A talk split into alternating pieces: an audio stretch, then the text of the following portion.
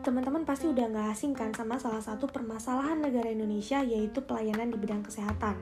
Sudah banyak sekali upaya maupun solusi yang dikeluarkan oleh pemerintah untuk memberantas permasalahan tersebut.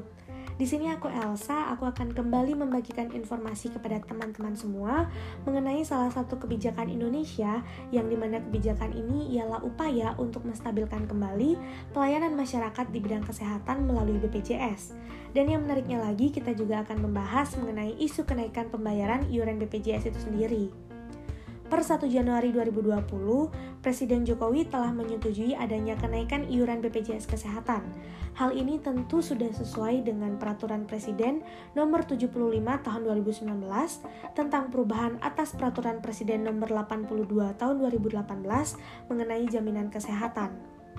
Adapun alasan mengapa iuran BPJS ini meningkat dikarenakan untuk meningkatkan kembali kualitas dan kesinambungan program jaminan kesehatan, maka perlu disesuaikan beberapa ketentuan dalam peraturan Presiden nomor 82 tahun 2018 tentang BPJS Kesehatan.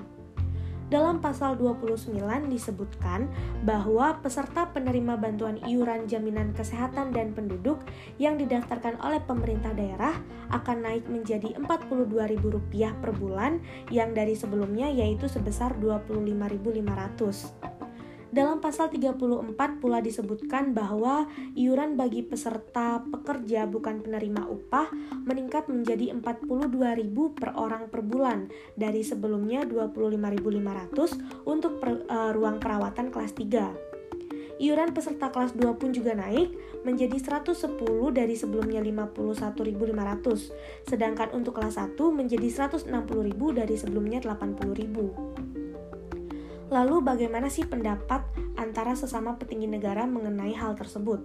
Salah satu pendapat kontra dikeluarkan oleh mantan sekretaris BUMN Republik Indonesia Muhammad Said Sidu yang di mana beliau menilai bahwa kebijakan kenaikan iuran BPJS Kesehatan ini sangat bertolak belakang dengan janji Jokowi pada saat kampanye pemilu presiden dikarenakan hal ini tentu tidak sebanding dengan apa yang diharapkan oleh masyarakat dan kebijakan ini juga cenderung uh, memberatkan satu pihak dan menguntungkan pihak-pihak tertentu. Nah, untuk teman-teman eh, kira-kira gimana pendapat kalian mengenai kenaikan BPJS sendiri? Kalau dari aku pribadi, menurut aku sebenarnya kenaikan BPJS ini merupakan salah satu kebijakan dari uh, layanan pemerintah yang menurutku terlalu terkesan terburu-buru. Padahal masih banyak sekali peraturan pemerintah yang seharusnya uh, lebih diprioritaskan dan urgensinya lebih diperlukan seperti itu. Lalu mengapa uh, iuran BPJS ini yang lebih dahulu diselesaikan padahal masih banyak sekali problematika yang tumbuh di lingkungan masyarakat yang lebih harus diprioritaskan. Nah, untuk teman-teman semuanya, uh, menurut pendapat kalian, bagaimana mengenai uh, pembayaran iuran BPJS itu sendiri? Kalian bisa ikut menyuarakan pendapat kalian di kolom komentar.